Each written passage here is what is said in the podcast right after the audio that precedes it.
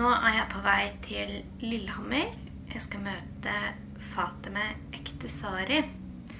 Og hun har en helt utrolig historie. Hun eh, kom til Norge i 2017 eh, som eh, flyktning fra Iran. Hun, hadde, hun har hatt en virksomhet som poet i Iran. Og så ble det slått ganske hardt ned på. Eh, sånn at hun ble dømt til 11,5 års fengsel og 99 piskeslag. Men hun greide å rømme. Kom seg Ja, havna opp eh, her i Lillehammer. Eh, og hun har nå gitt ut to bøker på norsk. Den siste eh, 'Hun er ikke kvinne' kom nå i høst. Og jeg er veldig spent på samtalen med Fatime i dag. Um, hun, eh, hun har jo bodd i Norge noen år nå, så hun, hun snakker og forstår norsk. Men jeg vet at hun er litt mer komfortabel på engelsk, så det, det kan godt hende at intervjuet kommer til å være på engelsk. Men eh, det går vel fint for de fleste. Så da er det bare å ta den siste strekninga på toget, så prates vi mer på Lillehammer bibliotek.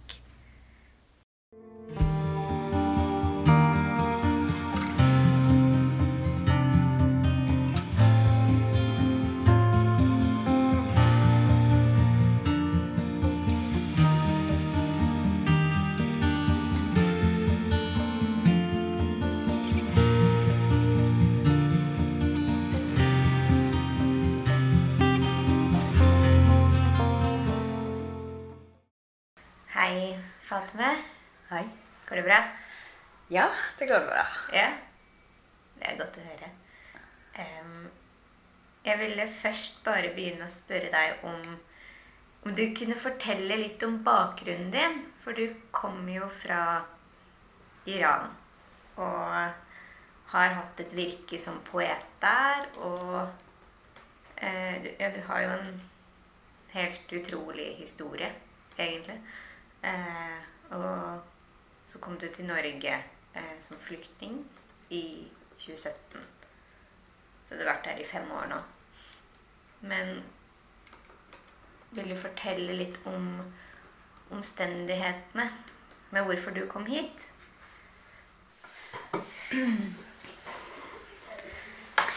Ja, jeg er uh, forfatter og poet uh, og jordmor. Eh, så jeg eh, eh, Jeg eh, ga ut tre bøker i Iran, og jeg ble arrestert tre ganger. The first time that I got arrested was uh, after my first book in 2010. I um, yeah, I got arrested for the first time. That was specifically for my book and the things that I uh, wrote on my weblog and some articles. Uh, and some photos like uh, that I published some of my pictures out of hijab in social media and things. So they started to set press on me and my activities. The second time that I got arrested uh, was in 2013. Uh, two months before that, I was in a festival in Sweden. I read poems from my book. I talked about censorship. And four years before that, I had a cooperation uh, with a singer in song that all of these things was some uh, reasons that they uh, arrested me. So I was in uh, solitary confinement. Every day I asked them why, and they didn't say any specific things. They just uh, interrogated me and tried to uh, convinced me to write something against myself. And then uh, after 38 days, we can say 40 days, uh, I uh, got uh, free by bail on bail and then went to the court for two years. After two years, I got a sentence uh, 11 and a half years in prison and 99 lashes, all for my uh, writing activities. All, all was for my um, articles, books I published, uh, all the seminars, workshops that I held, and uh, uh, 99 Lashes also was for um, destroyed my name actually you know they said yeah, shaking hand with uh, uh, another sex or be out of hijab in front of uh, men uh, is a kind of crime that they can give you lashes from 1 to 99 and they got me the uh, worst level, the high level of these uh, things, just to say, uh, yeah, you are a bad person. I don't know. Um, and then uh, at that time, I thought I can't uh, take these lashes and then go to prison for 11 and a half year and uh, I have a short time uh, to go back to prison. You know, you you can send uh, mm, you can send klage, and um, yeah, at that time I tried to find smuggler and uh, escape from Iran. So uh, I escaped from. Uh, the west, western borders of Iran to Iraq, uh, to Kurdish part of Iraq and then found another smugglers uh, and went to Turkey. I was in Turkey for a year and a half, some months maybe. And then at the same time that I was under support of UNHCR, uh, I got this residency from Norway. It is ICORN residency and ICORN, you know, is an organization that help uh, artists in danger to find a safe place. So they emailed me, they sent me an email and said, yeah, you can be Friby forfatter in Lillehammer. So in 2017, in January, 17 January of 2017, uh, I uh, came to Norway directly to Lillehammer And since there I live here in Lillehammer. Hvordan var det første møtet med Norge? Det var så kaldt og mørkt. og jeg så med meg selv Hvorfor kommer jeg her? kan jeg tilbake til Tyrkia? Men uh, yeah, it was a bit shocking. Uh, too much snow uh, and dark. Uh, very silent streets. That was so shocking that all the shoppings closed at 6 5.36 i was like this oh no. You don't find nightlife here fatima. How you wanna live here? So but uh, after weeks i felt I, I can find safety here because when I was in Turkey, I didn't feel safety. I, I had to change my place uh, one time from another city. They you and said me you have to change your uh, house uh, because the city that I lived at the first was had border with Iran, and they felt they got some treatment maybe uh, I I didn't get directly, but they said me I have to change. I mean, yeah, I mean here the biggest things the biggest thing that I found in Norway is safety. I feel safety at least even there is not i believe there is not a, a completely safety in any part of the world you cannot find such a place but uh, i try to convince myself that feel this you need that so find it find this and feel this yeah Nå, nå har du jo bodd her i eh, snart fem år, da. Mhm. Mhm. Eller ja. ja ja ja fem år disse fem år Ja. Og syns du Har du liksom Syns du har blitt kjent med den norske kulturen nå, eller er det, er det vanskelig å komme inn i det?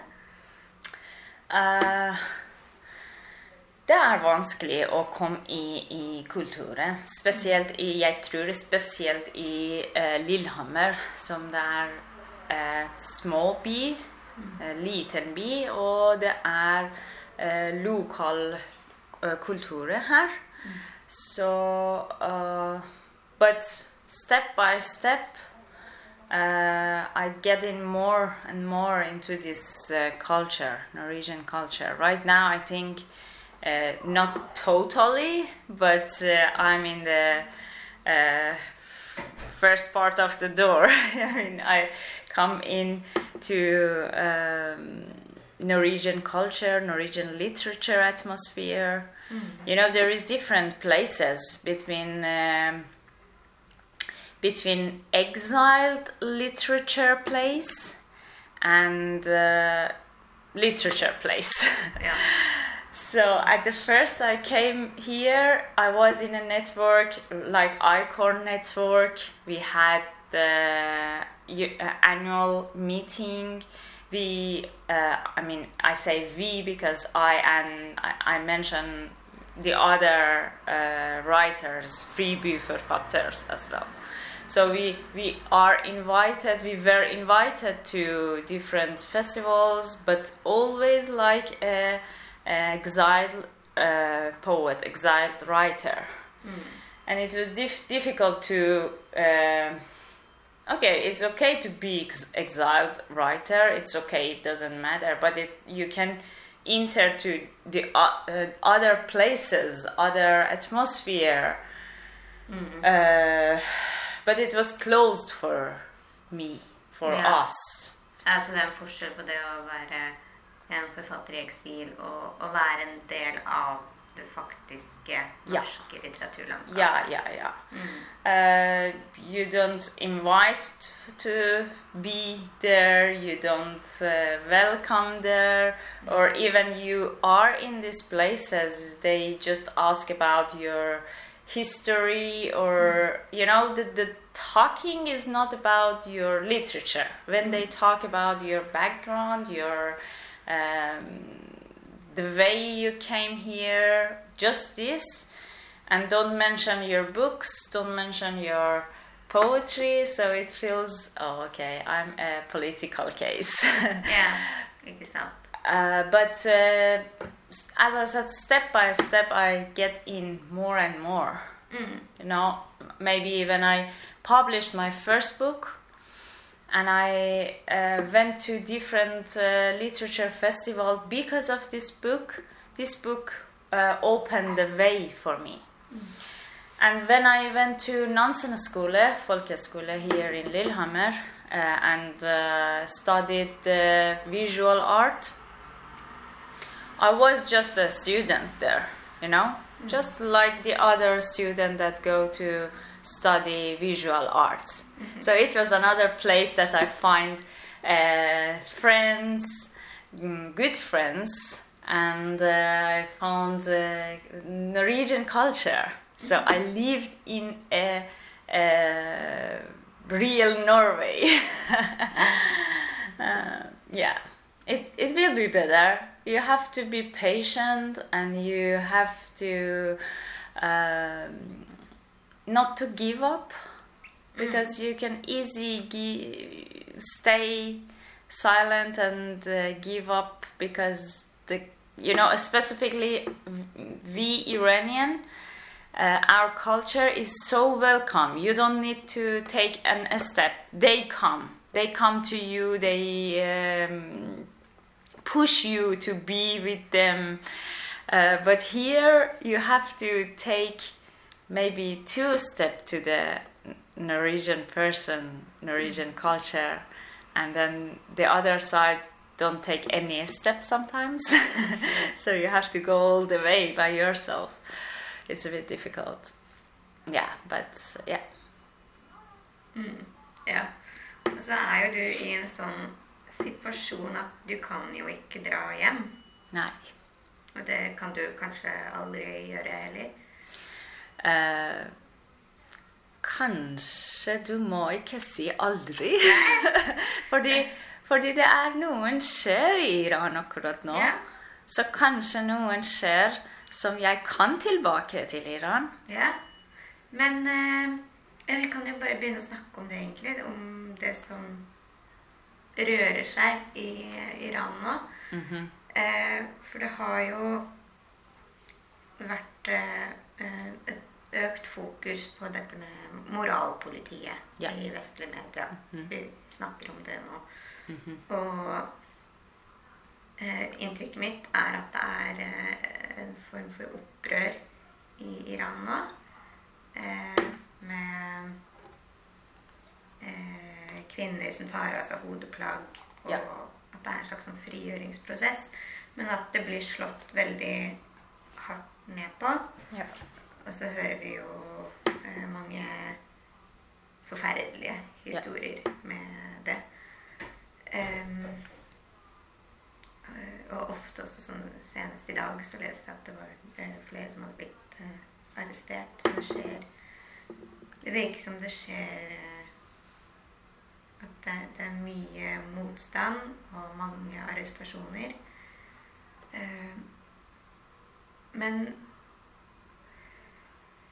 men du har liksom en, en bedre forståelse av dette enn meg, så kan du bare forklare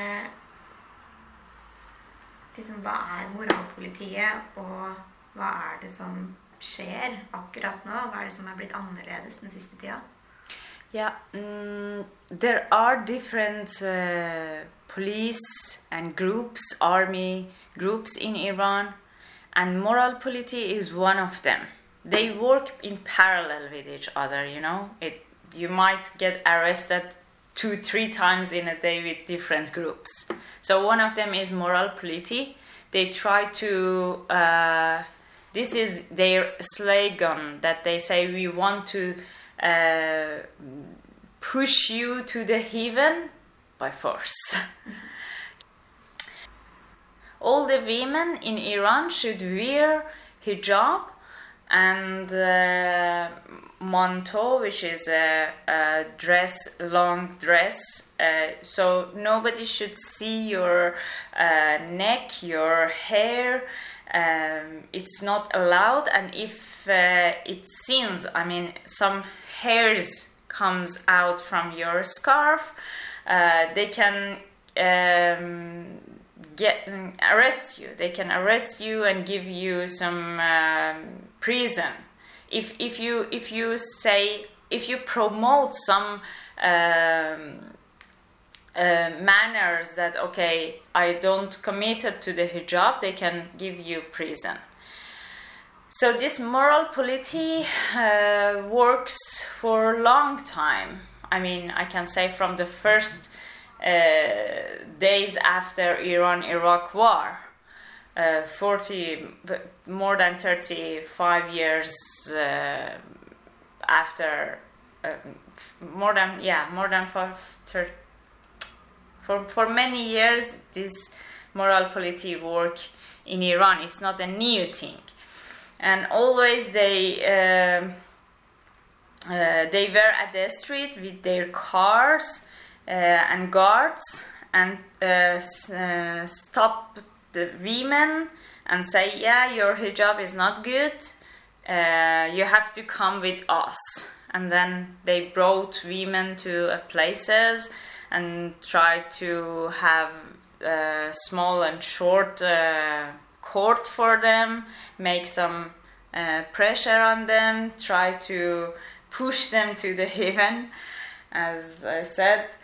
Um, but I want to say these uh, demonstrations in Iran, uh, yeah, it started after Mahsa Amini uh, was killed in uh, when when Mahsa Amini was killed uh, by Moral Politi, and uh, yeah, people went to the hospital street and say, "Why you? Uh, why did you kill Mahsa Amini?" But these demonstrations and protests are not because of hijab. These are not because of compulsory hijab this is because of a brutal dictatorial regime that uh, rule this country for more than 43 years.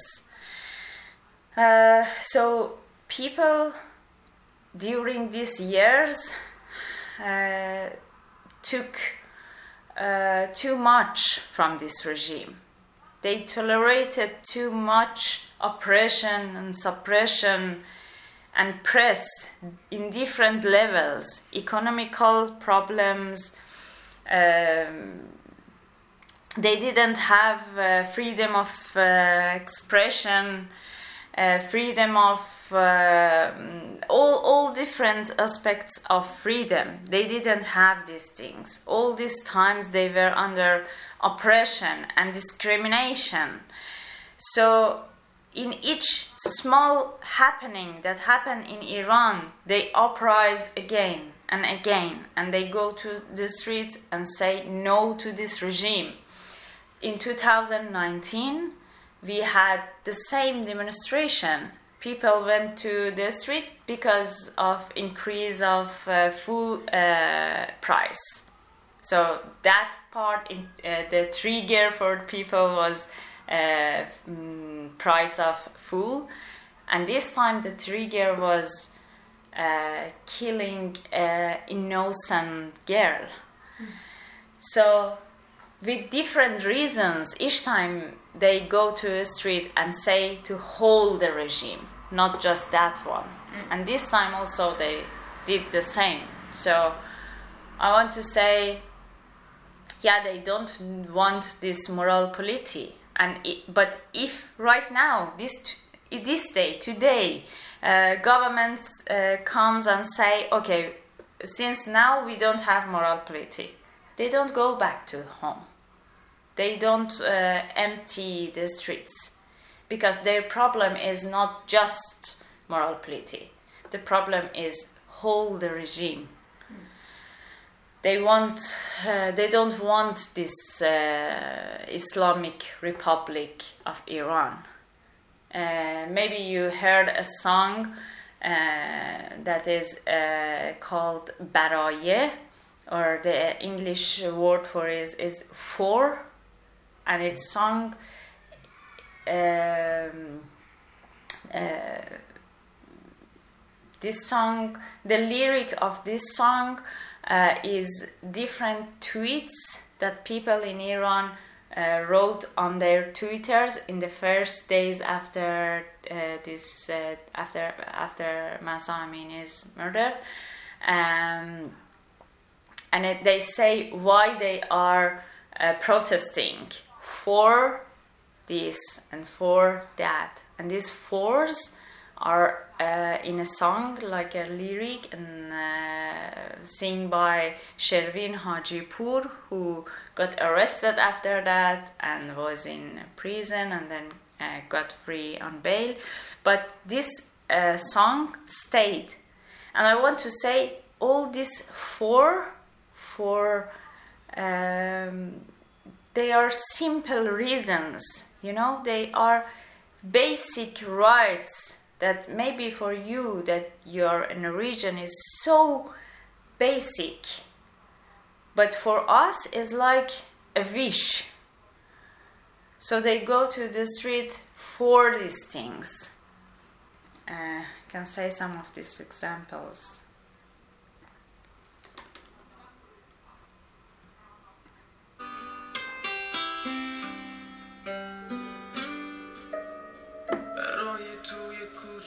for dancing on the streets, for the fear of kissing, for my sister, for your sister, all girls, for the changing of old values, for the shame, for the poverty, for the missing on ordinary life, really ordinary life, for a child looking for his future in the garbage, for this command economy,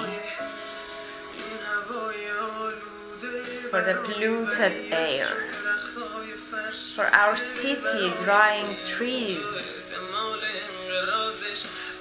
for this cheetah and the possible extinction, for such forbidden poor dogs, for the non-stop tears,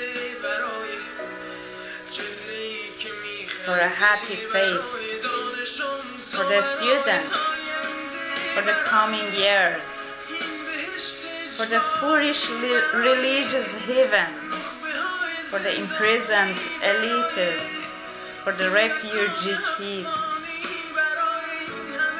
for all of this for non-repetitive, for all these empty slogans.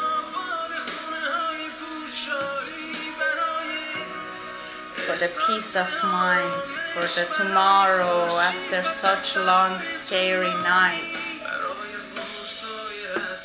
for the tension pills and the anxiety, for the human homeland, hospitals, for the girl wished she was a boy, for woman, life,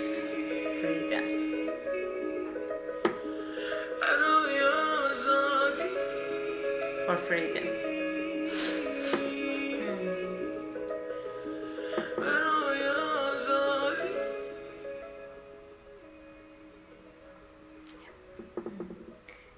Det er jo voldsomt å høre om. Og så er det samtidig så er det jo eh, Det er vanskelig for en sånn som meg, da, som kommer helt utenfra, kommer fra en kultur der ja, Ting er jo relativt fritt her, da.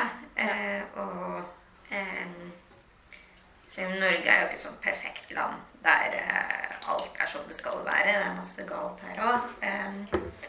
men eh, jeg opplever jo i veldig, veldig liten grad at det,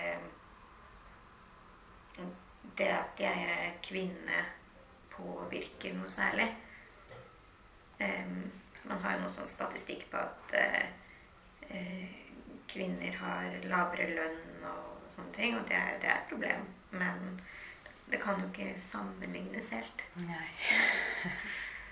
Eh, men litt om sensuren i Iran, for det, du snakker jo litt om det i stad. At eh,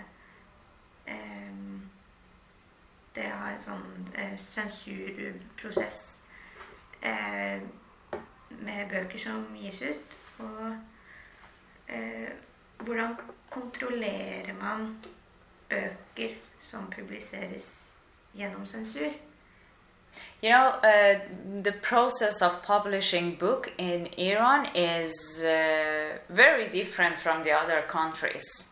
You have to send, I mean, you uh, uh, via your publisher have to send all the books to Ministry of Culture.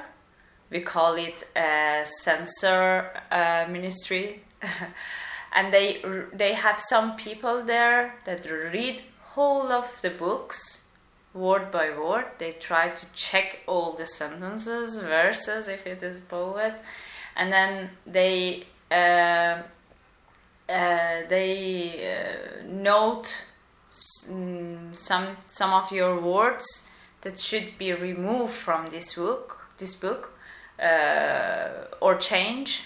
You have to remove. Sometimes you have to remove pages from a book like some books from famous writers, uh, Camus, uh, Kurt Vonnegut, uh, Marcel Proust, all these books. Uh, before publishing, they read them and they uh, removed some lines and uh, pages sometimes from this book, even this book, you know.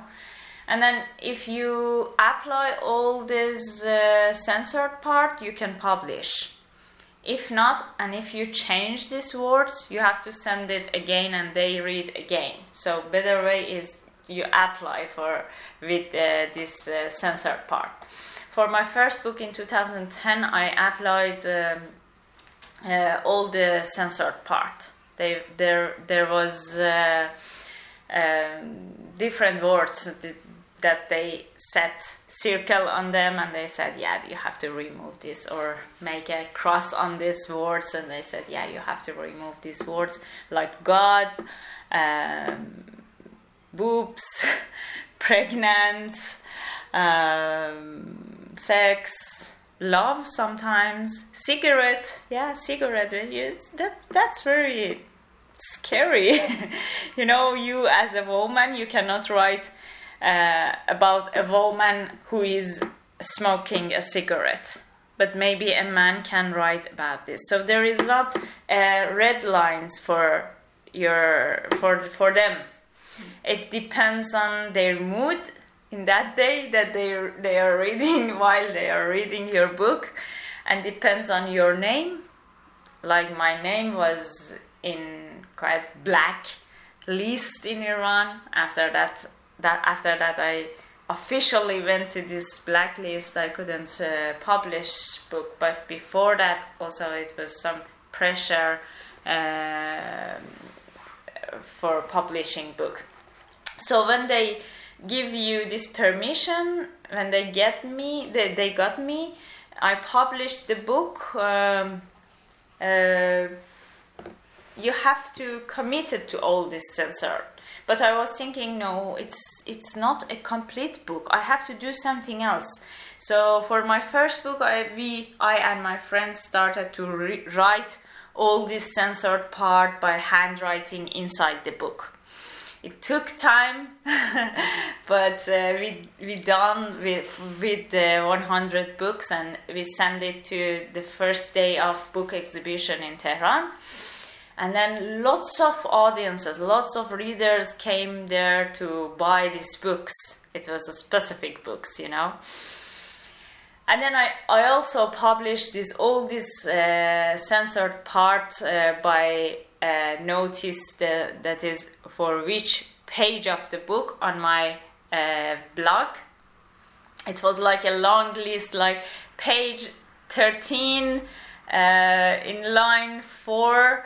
Uh, you have to add a god, but they they were a space, the empty place there, so they could uh, find it easily where is uh, the place that they should write God by their name or the other things. Sex naked body for page 45 45 and uh, yeah it was one one way that you can uh, turn around the censorship but after that they arrested me because of this because I uh, it was illegal to do that. um, also, they um, filtered, they blocked my weblog, not just because of this censored part, because of also the things that I wrote. Uh, and as I said, I got arrested for the first time, and then um, I uh, did the same, quite the same for my second and third book as well but uh, in different ways. Like more, more than I try to put hold the hold the poem on my blog or uh, social media, and then they people readers knew that which part was removed in my book or I try to publish this uh, censored part on blog or somewhere else, like my, in my social media. But uh, yeah, there are not too many way to uh, deal with this censor censorship. You have to commit it if you want to publish book. There are many uh, poets, writers, translators that they don't publish their books just because of this. because they don't want to uh, kill their childs. They don't. They want a whole body of uh, these poems, not. Uh, yeah, that's difficult. Ja. Men det, det forstår jeg godt. Og eh, det er jo helt annerledes her. Eh, Yes, ja, of course. Yeah. her er det jo Her kan man skrive omtrent Mm. hva som helst. Yeah, Eh, yeah, yeah. And then, and then when I when I was in Turkey, I mean, out of Iran, but still, I I couldn't publish my books there. Uh, but I published on my own, like in uh, Amazon, and I put uh, hold the book for free for audiences, so they ca- they could download and they could publish uh, underground. They did that, and they sell my books uh, at the street. Even my first and second and third books that I've published in Iran, but after after I my name was in blacklist, so I couldn't publish them anymore. The publisher couldn't publish these books after I got this sentence, and then uh, so they published underground, and they sell at the streets or like in uh, social media. So I, I saw also some someone who print all the book by a very simple printer and punched them all this together, all the papers, and took a picture and sent it to me. That was so beautiful. Ja. Men du har aldri tenkt at fordi eh, bøkene dine blir sensurert, at du må skrive på en måte som gjør at de kan bli godkjent? Um, I tried not to fix myself in this box. You know, it's very dangerous to when when you start uh, censor yourself. So you you say by yourself, "Oh, I can't publish this verse or this word inside my poetry, so I shouldn't write this." I tried hard not to go to this way there is a way it, this way is so popular between writers who live in dictatorial country because they felt this uh, this censorship they they experienced this censorship and they felt this suffering from this. So they try to write somehow that the ministry of culture don't uh, remove that that. But that's uh, self censorship I tried hard not to do that. I, I uh, wrote these poems, but I didn't publish them. I didn't even try to publish them because I knew uh, they don't get permission to publish. So I just uh, wrote them and keep them. But uh, there is a way, I mean, literature is uh, a way that you write something but you mean something else. Uh, when you use metaphors, symbols, all these virkemidler, you want to not to be so direct. And we were not so direct in our poetry. We d- I didn't write about uh, a specific person or a specific situation and say I or, or threaten some groups or religious uh, things matter. I didn't do that. It was totally uh, poem, and poem, you know, poem is poem. Poem is not article. Poem is not slogans, chanting. It is uh, literature. But when they, they, they this dictatorial country are so uh, sensitive to any simple situation in your literature, even when it is literature, even when you just depict a situation without any judgment, but you just show a, a problem to the audience. But because this kind of literature uh, make awareness for the audience, they afraid of that this is the power of literature that is deeper and show you, um, you know, um, uh, turn on a light on some problems, on some issues that you didn't see them, or you didn't dare to say that I'm uh, seeing these things. So because of that, they are afraid of this uh, literature and they try to censor us. Mm. Eh, Men vil du bare fortelle litt om eh, hvordan du jobber når du skriver dikt? Hva er prosessen din?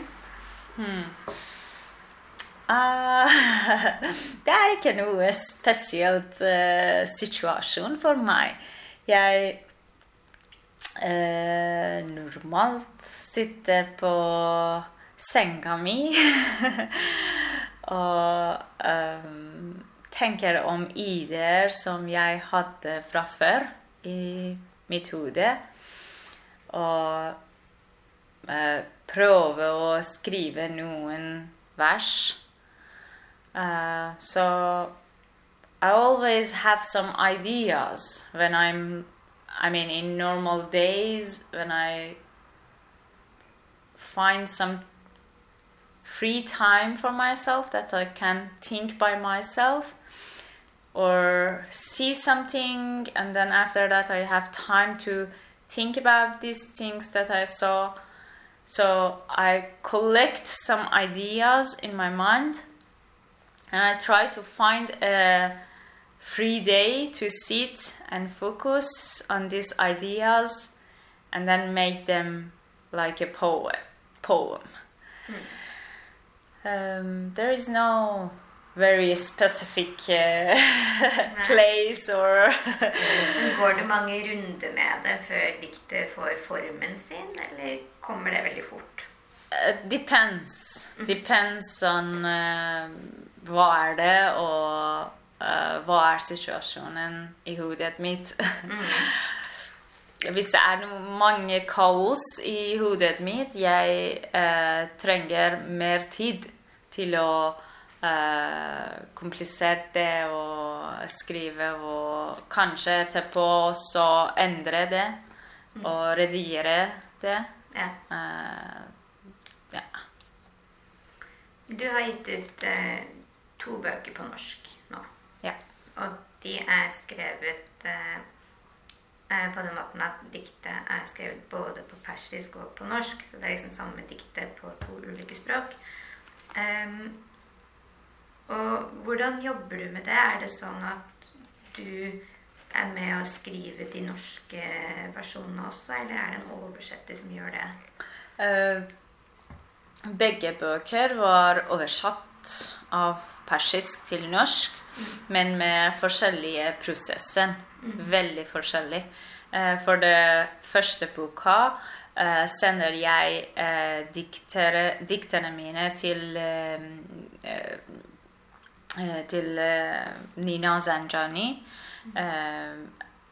And she worked on these poems and we had some meetings but it was you know in the middle of corona so we couldn't sit together and talk a lot about all these poems she did uh, her job at her place and we talked about some of these poems um, and then um, Katrine Strom uh, edited a bit some of these poems. We, we talked about some points of these uh, poems and then we published this book, Vi overlever ikke.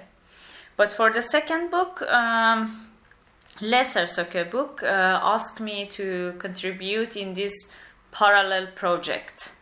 Uh, parallel project uh, publish uh, is is a project that publish mm, poems with uh, or books better to say books with two uh, languages and the process that we started to work was uh, I wrote poems in Persian and send them to the translator uh, Momei Zadi he translated from Persian to Norwegian word by word, so mm, very uh, strict uh, translation that um, follow all the Persian words, Yeah. very strict.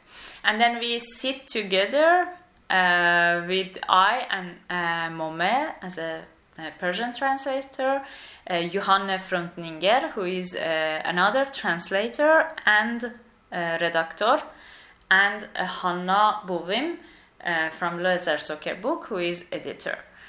So two editors, two translator, and me. And we discuss about all single, all the words, all the verses, all the poems. What's the feeling be- behind this uh, word? What's the uh, purpose of this poem? What did you want to say? And it was so difficult, you know, for me. Yeah. you, you are a poet. If if someone say, explain all the details about your poem. Ja, det, det er jo noe som man kanskje helst ikke vil gjøre. For man Nei. skriver det jeg skriver, og så får Det er fint hvis du tolker det annerledes, men så må man jo gå inn i en rolle der man på en måte må føre det litt. Yeah, exactly. And there are lots of layers in, for example, one poem, and you have to explain all these layers one by one.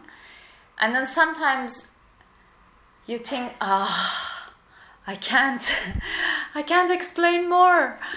And sometimes it's difficult because there are some differences between Persian language and Norwegian language Ja. even some feeling in the word are different.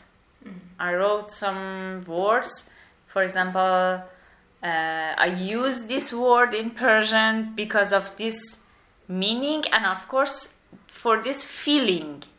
But for example, in Norwegian, you have just one word for this meaning, so you cannot too many alternative for choosing a right feeling. Yeah. But you know, in this process that we worked, they tried to gjendikt and try to find exact feeling at least that all these uh, verses try to transfer to the readers. So I think they found best way to transfer from the Persian to Norwegian. I mean, if someone want to translate something, this is the best uh, way to do that. Yeah. Eh, Det, er- det er en omstendelig prosess, men det høres ut som du har gjort det veldig grundig, da. Yeah, yeah. It is. Uh, it took too much time and money, uh, and uh, yeah, nerve. Det kan jeg se for meg. Men en ting som jeg syns liksom høres så vanskelig ut med å oversette fra et språk som persisk eh, og til norsk, er at lydene er så annerledes. eh, og det med sånn klang og rytme, det, det har så mye å si for et dikt. Um, så hvordan Altså, jeg har jo hørt deg lese på persisk, og jeg merker at sånn Oi, det er en stemning her. Jeg forstår ingen av ordene, men, men det er noe med liksom bare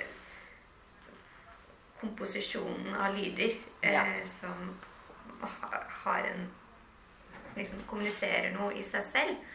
Men hvordan er det for deg når, når diktet får liksom helt, helt andre lyder, et helt annet uttrykk? Ja, ja, yeah. Uh, in this uh, in this way that I am writing my most of my poems that we call it ghazal postmodern, we use external form that comes from Persian classic poetry. This external form has, as you said, has rhyme and rhythm and lots of limitations for the form. And but it's just form and make some music, and we we use this for this music for this rhythmic way of uh, reading is this because uh, mostly because this is so popular in Iran to uh, uh, write and read uh, poems with uh, rhyme and rhythm. But the, in the other hand, we use some new theme uh, modern issues, modern matters inside this kind of poetry. So this is a combination between form and uh, content. Uh, and we use, yeah, as I said, we use modern and postmodern thoughts and techniques inside this uh, poetry. So the in the first way, uh, yeah, in translation you lose the rhythm, rhythm, rhyme, mostly for most of these poems. Uh, they couldn't uh, committed to this rhythm and rhyme. This is so difficult uh, to find uh, the same way of uh, translating these poems with this uh, rhythm. Um, so rhythm is just one element for my poetry there are different uh, elements inside that. There there are some other contents that is uh, poetic. So they try to focus on that part. And but also um, as you see in this book there are some examples there are some poems that they try to keep this rhyme and read them inside that uh, in Norwegian. I mean, so there are some poems with uh, rhyme and uh, a bit rhythm, rhythm at least, and also in uh, those poems that they mm, they didn't uh, use rhyme, they try to uh, use alliteration. Like in first poem, too many of these uh, uh, words that they use in translation in Norwegian, uh, they use alliteration for them. So there is some sounds in Norwegian version as well. Um, but yeah, in uh, when when when I read in Persian, uh, it is so rhythmic for the audiences. But when they hear after me the Norwegian part, it's not that much rhythmic as I read. Um, yeah. Um, jeg har et lite sitat eh, fra et av diktene dine på norsk, da. Eh, der det står Ligg unna dette plagede mennesket, dette livet som er blitt klasket på møkkahaugen. Ligg unna dette våpenet, ligg unna dette diktet, det er også farlig. Bruker du skriving og poesi som et våpen? I think uh, literature and art can be a weapon, yes. Um, we can use this weapon for our purpose, and this kind of using literature as a weapon, as a way to fight, has a long story, history in uh, Iranian culture, in Iranian literature. Because we have a long history uh, with uh, war and raided by the other governments, empires, uh, like for um thousand thousand years ago, uh, Arab empire invaded Iran, and Iranian couldn't have their language. They couldn't use their language. They couldn't uh, have their religions. Uh, they couldn't have uh, their own um culture. So they use this kind of poetry for as a as a tools as a means to fight uh, with this uh, uh, yeah with this oppression. Um, in if if so we have too many uh, poets Iranian poets in uh, centuries that they use their pen they use they use their thoughts they use their poems against the king of that time against that the situation that they they and the people at that time took. Uh, specifically 100 years before when we had two main uprising by people against the king and they wanted to make uh, to establish a parliament in Iran for the first time they wanted to have republic republication uh, and parliament instead of king and all this uh, kingdom so uh, poets use their poetry specifically as a weapon.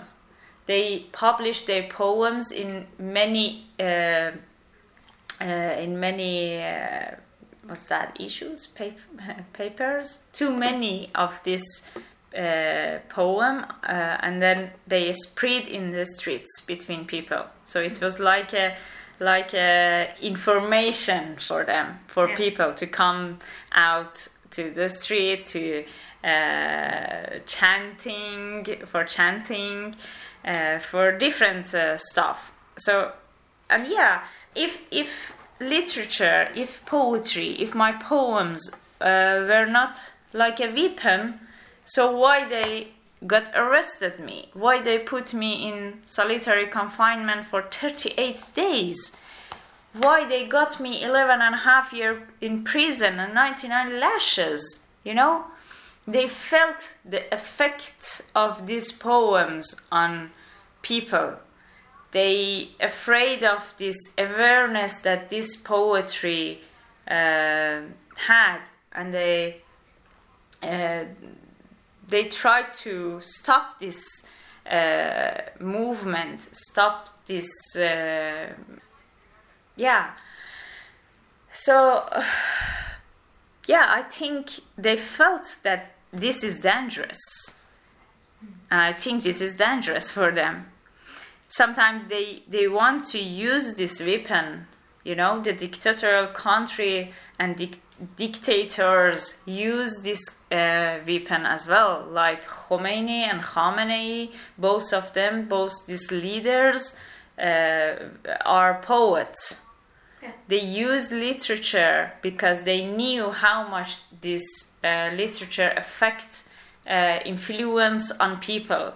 How much iranian specifically iranian people love poetry and you can uh, use these poems like a spell for them make them sleepy or them or make them awake both you know? I tried to awake people with my poetry. Em, hva betyr eh, skriving og poesi og litteratur for deg personlig, eh, nå som verden er som den er? Yeah.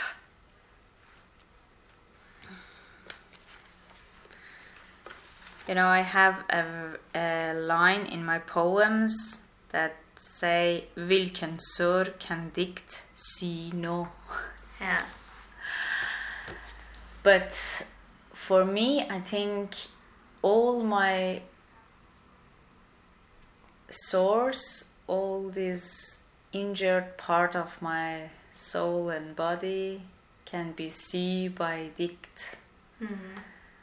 Um, if I want to just leave, if I want to just be a midwife and go to work, come back home, have my family, friends, um, parties, um, going to cinema, restaurants, et, etc. I could have all these things in my country Ja. when I before I left Iran. It it needed just to stop writing. They asked me just uh, not to write. Hey woman, you can sit at your home and be a woman and live without any stress and uh, thoughts. Yeah, it's it's. I I heard these things too many times from my interrogator, from society sometimes. But I choose not to sit at home and live just as a woman that, that they asked me. They wanted to be not a woman, Yeah. not a man, not a man woman. I wanted to write and uh, be a writer. Vil du lese litt for oss på slutten? Yeah, Yeah. sure. So I like to read my first poem that I talked a bit right now about that. زن نیست یک بنفش یواش است و یک سکوت گوش خراش است معجون ناامیدی و کاش است در گیجی زمیر خداگاه. زن نیست مرد نیست عجیب است. یک آرزوی روی صلیب است. یک مشت سنگ داخل جیب است. افتاده یک شب از وسط ماه. زن مرد نیست جنسیتش باد. فعلی است بین پا شد و افتاد. قول است از چراغ خدازاد که حبس مانده داخل یک چاه. رد کرده مرزهای بدن را جرداد پیش فرز شدن را کوتاه کرده سایه زن را از پشت پای یک من خودخواه. بیگانه نیست مال زمین است مشکوک نیست عین یقین است از هر تماس سر زده مین است پنهان شده است در وسط راه. یک پرتگاه در ته دنیاست. آتش فشان داخل دریاست. یک گور دست جمعی تنهاست. یک شعر منتهی شده به آه. This poem is so i think i feel even i read i write I- even i wrote this poem uh, almost two years ago and uh, we started working on this poem two, years ago but it's very related to right now the demonstration in iran the women that stand up and uh, say no to all this uh, dictatorial regime all, all this oppression and discrimination that they took for 43 years. And when when the, when I say uh, hun er ikke kvinne, it's like the woman in Iran that don't doesn't want to be that woman that they dictated to her, and when when I say she doesn't want to, or or when I say she she um, er en mine som gjemmer seg for vandrende føtter. So it's that much dangerous. These women, these men in Iran, they are dangerous like mine. They they wanted to explode and change their life, you know? Mm-hmm. And it's very touching for myself, even it's my poem and comes from me, but it's it's touching for me as well right now with this situation in Iran and when I see the videos, when I see them, and when I feel I can't be with them at the street, but maybe I am with them with this book. So, yeah, it's like a hope.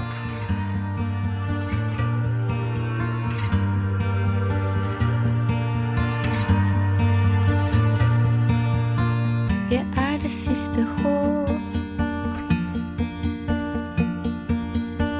Jeg er den siste skanse.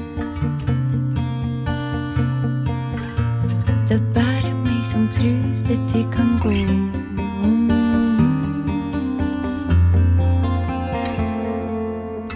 Jeg har et eget rom. Jeg har et ampert hue. Om du tror du tør, skal du få sjå.